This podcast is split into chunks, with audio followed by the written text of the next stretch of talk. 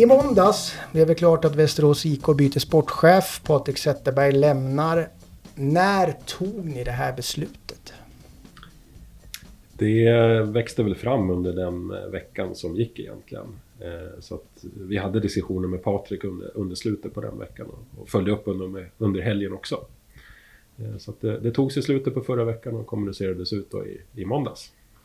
Det ska, det ska även sägas att vi har ju gjort utvärderingar under hela hösten.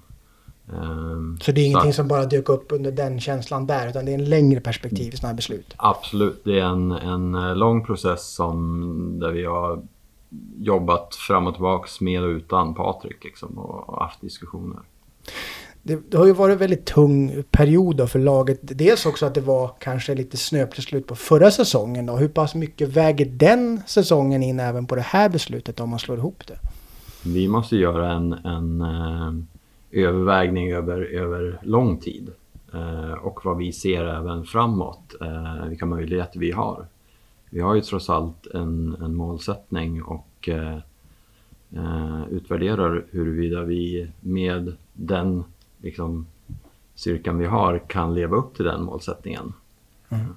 Och det var där också vi kände att eh, vi vill ha ett annat alternativ än Patrik som bygger laget eh, kommande säsong. Eh, och därför kändes också tidpunkten bra nu så att en, en ny sportchef får en tid på sig också att komma in i det jobbet i tid.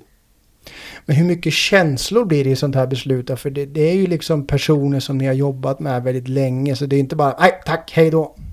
Nej, det, det är klart det är jättemycket känslor i det här. Eh, dels är det ju kommunikationen tycker jag är svår. Det är ju jättemånga som med all rätt förväntar sig att vi skulle ha kommunicerat. Det är ju både supportrar och, och partners. Eh, men det blir ju svårt känner jag personligen att, att kommunicera när det handlar om en människa i, i grund och botten och i det här fallet Patrik. Patrik eh, har ju Niklas och jag jobbat ihop med jättelänge och det är klart att vi, vi tycker ju om Patrik som person men ibland måste man skilja på sak och person.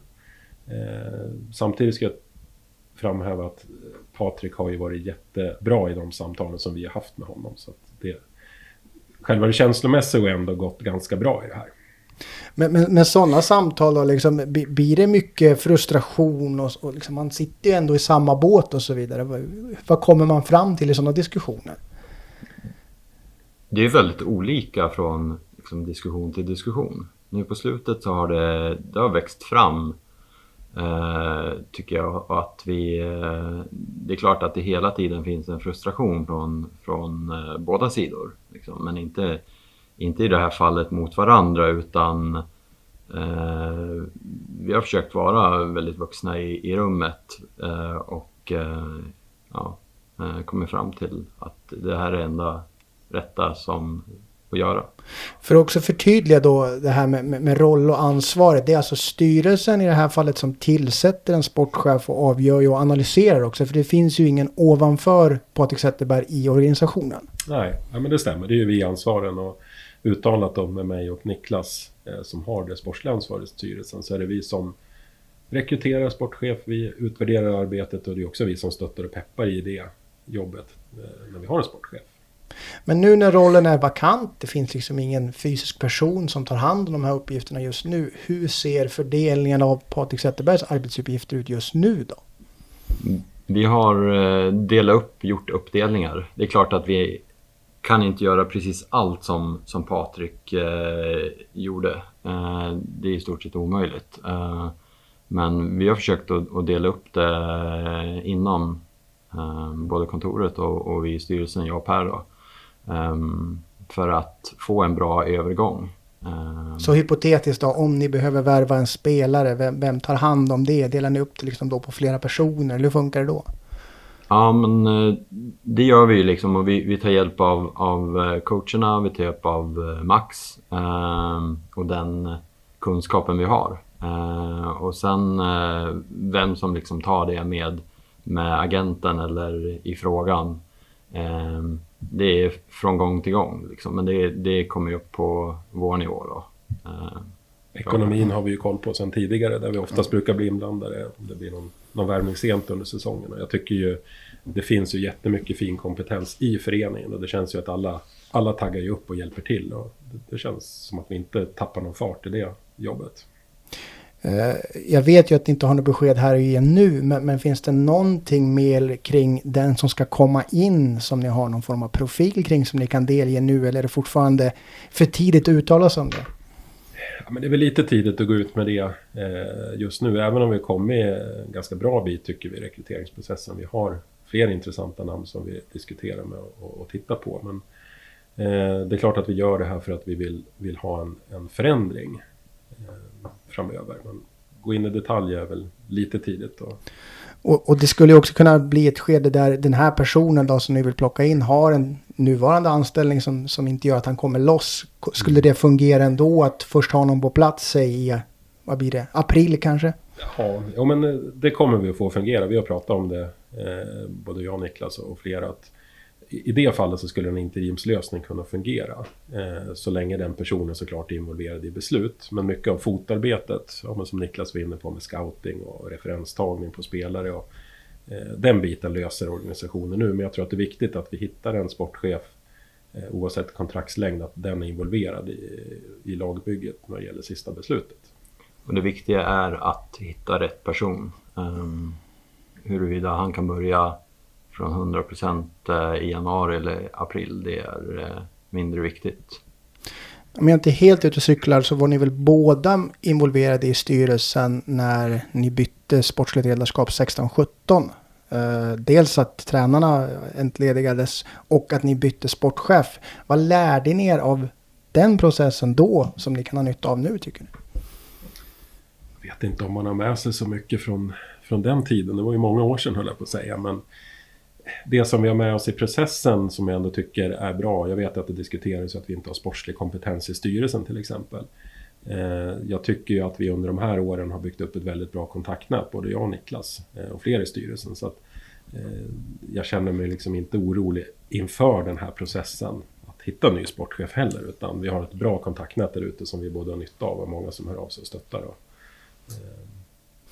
Sen när det är så pass, ska man säga, frustrerat och irriterat på utsidan runt klubben, hur pass mycket påverkas ni? För ni har ju kanske inte de mest framskjutna rollerna offentligt och medialt kring klubben, men hur påverkas ni av det?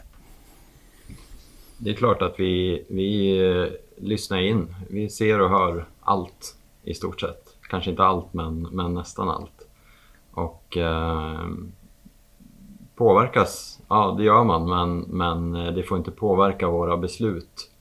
Utan eh, eh, vi måste fortsätta jobba professionellt och eh, på det vi tror på. Mm. Det tycker jag ändå, det måste man särskilja. Men, men självklart så, så lyssnar vi in. Vi är inte varken blinda eller döva.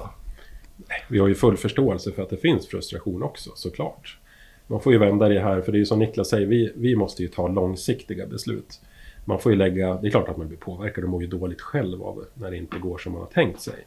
Det får man ju lägga åt sidan. Eh, så professionell måste man ju vara så att man... Det är ju nu när det blåser som man måste kliva fram och vara som, som modigast kanske. Och eh, vi är ju här för att göra det långsiktigt bra. Eh, men återigen, svårigheten också när vi inte kan kommunicera så mycket eftersom det handlar om människor så kan det ju tolkas som att vi är nöjda eller handlingsförlamade. Och så är det ju inte på något sätt utan eh, det försiggår ju mycket, mycket jobb bakom kulisserna.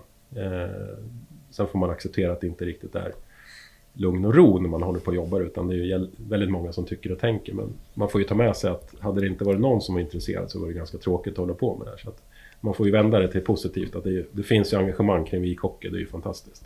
Just det här med engagemanget, det, det, det, finns ju mycket frågor och funderingar kring just Gulsvart 2024-satsningen där klubben vill avancera till SHL. Eh, massmedia, media, bloggare och så vidare har ju använt ord som hög svansföring och så vidare, att man sticker ut hakan. Eh, Patrik Zetterberg har varit inne på att att man nästan ber om problem, att det blir en onödig press utifrån. Hur ser ni på hela det här konceptet med, med Gudsvar 2024? Är det en onödig press eller hur ser ni på det? Vi ångrar oss inte en sekund över att vi har den målsättningen eh, och har lagt fast den. Det är klart att, att det absolut blir ingen dans på rosor att, att ta sig dit, eh, men målsättningen måste ju stå fast.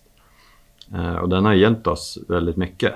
Vi ser ju hur marknadsföretagsförsäljningen har ökat eh, rejält. Eh, folk vill det här, företag vill det här och vi vill det här också. Eh, och man ska inte gömma sig liksom och, och dra ner målsättningen. Eh, det anser inte vi. Um, men, men, hur ser ni då på, på den här själva balansen då med att, att skapa bättre förutsättningar för sporten men samtidigt få den här pressen på klubben? Går det att balansera upp den tror ni eller är det med att man måste gilla läget? Men det är klart att vi ska kunna klara av att hantera press tycker jag. Jag tycker, ja men alla, alla som har jobbat för den här klubben i några år och alla som följer klubben och varit engagerade både som partner och på läktaren ska ju vara stolta över de åren vi har bakom oss. Eh, för tillsammans har vi ju faktiskt satt klubben i en jättebra position som gjorde att vi tycker att ja, men vi vill höja ambitionsnivån än att vara här mellan Mjölksland och hamna femma, sexa, sjua. Liksom. Det upplever vi ju, och vi själva är ju trötta på det. Så att det behövdes ju ett nytt steg för klubben. Eh, sen är jag lite förvånad ändå måste jag säga personligen att just elitidrottsvärlden reagerar så kraftigt på att man har en tydlig målsättning.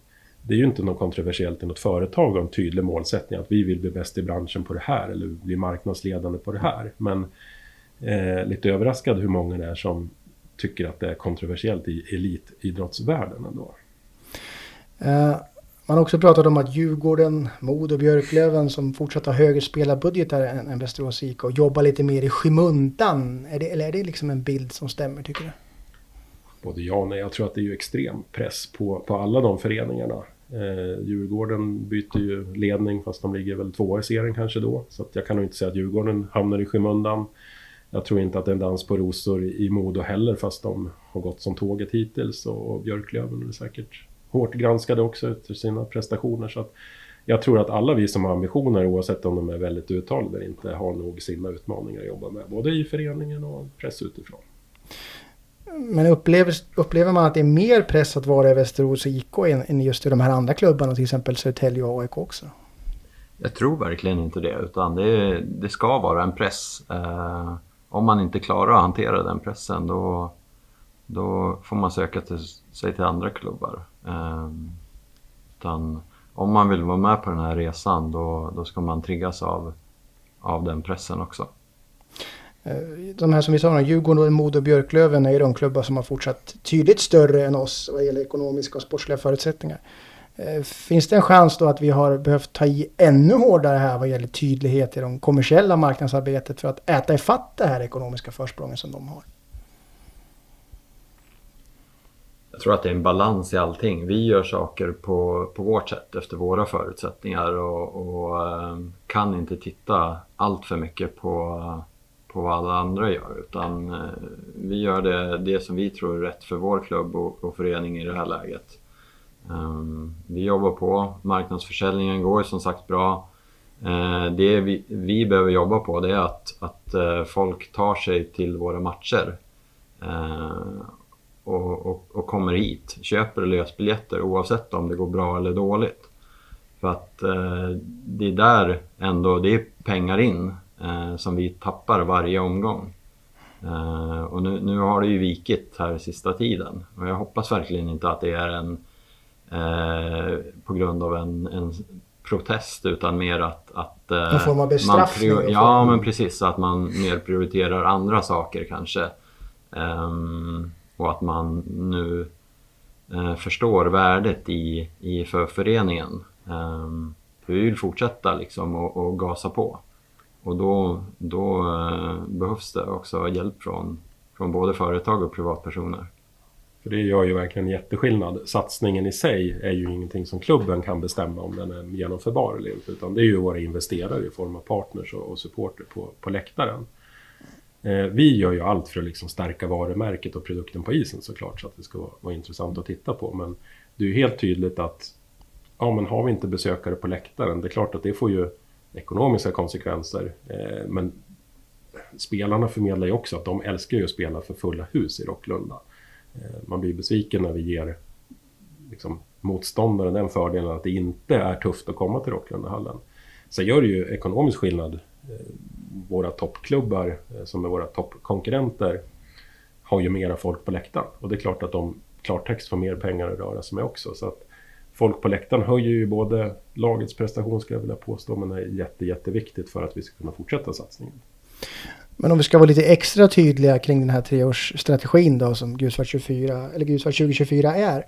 Hur gick det till när ni tog fram den och så vidare? Hur, hur går det till när man sjösätter en sånt här projekt? Men det är ju jättemycket diskussioner internt i klubben först. Eh, så det har ju varit många möten. Ja, men det är ju både marknad, det är kommunikation, övriga kontoret eh, och med sporten också självklart. Eh, tittar ju mycket på hur våra konkurrenter jobbar i, i Hockeyallsvenskan. För det är ju har du inte störst budget, eller oavsett om du kanske har störst budget, det handlar ju om att nyckla upp hur, hur du kan göra alla små olika delar i föreningen lite bättre än konkurrenter eller på ett annat sätt än konkurrenter. Eh, så det, det, är ju ett ganska stort jobb som ligger bakom eh, själva analysen. Förutom att vi alla nog tyckte att det var självklart att vi ska höja målsättningen. Så att, eh, det ska ju vara genomtänkt och det ska paketeras och sen kommer ju själva förvaltningsbiten när det ska genomföras också. Och det är väl där vi är just nu då. Men det, man får också en känsla av att eh, om man säger krona för krona kanske laget skulle kunna hamna 4-5 om man tittar på lönelistan. Men det gäller väl också att få någon överleverans och överprestation från laget. Ja, men det tror jag oavsett egentligen vilket lag som, som går upp. Det är ju inte givet att du, du är bäst i, i en idrott bara för att ha bäst budget. Utan jag tror det laget som kommer att kliva upp är det lag som överpresterar. Eh, sen behöver vi upp en nivå för att ligga högt där uppe över tid. Vi ska vara med i toppen över tid och plötsligt så blir det vi som överpresterar.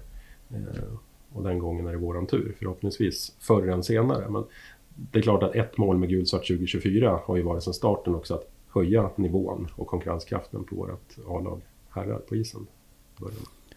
Och just att det tog, att, att vi satte det som en treårsplan. Det är också att det, det tar några år eh, att, att ta de här stegen liksom undan för undan.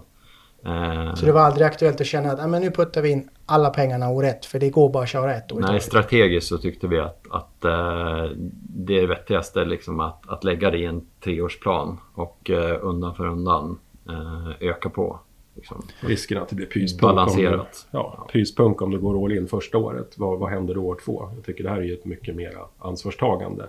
Mm beslut. Man kan ju tycka att det är fegt med en treårsplan, men jag tycker i det här fallet så bygger vi en starkare organisatoriskt under de här tre åren också. Men nu är vi ju verkligen i mittpunkten av mm. satsningen. Ett och ett halvt, eller en och en halv säsong kan man säga, mm. har gått. Mm. Hur känner ni att, att, att ni behöver göra då för att det inte ska bli ett, ett hack till i skivan. Det blir två hack i rad och sen ska mm. allting ske över en natt till nästa mm. säsong. Mm. Nej, vi har ju halva, halva säsongen kvar av den här säsongen. Eh, fokus nu blir ju för föreningen också nyckla ut att vi måste börja vinna matcher och förflytta oss upp i tabellen. Ehm, det är ju solklara målet är, ju, är kvar fortfarande att vi ska spela slutspel i, i vår. Mm. Och, och vad, vad, känner du då, vad kan man skicka för virtuell julklapp till alla som sitter där ute och väntar på nästa steg för föreningen? Vad vill ni skicka för hälsning till dem? Eh, hälsningen är att eh, kom på våra matcher för ni betyder alla ni var och en betyder jättemycket. Och eh, stöd och support oss i med och motgång och ha en god jul. Jag kan bara understryka Niklas ord. Det är ju tillsammans vi vill vara på läktaren. Eh, det är ju matchdagar det händer. Eh, så att sluta upp bakom oss, tro på det vi gör, så träffas vi på läktaren oavsett om man är supporter eller partner. Men med, med, med tanke på det ni har sagt, hur pass mycket ledighet får ni i julen då? Hoppas väl kunna vara ledig på lördag i alla fall. åtminstone på eftermiddagen. Nej, det är klart det har varit ganska mycket jobb i, i några veckor. Men eh, jag tycker att alla är värda några dagars julledighet. Här,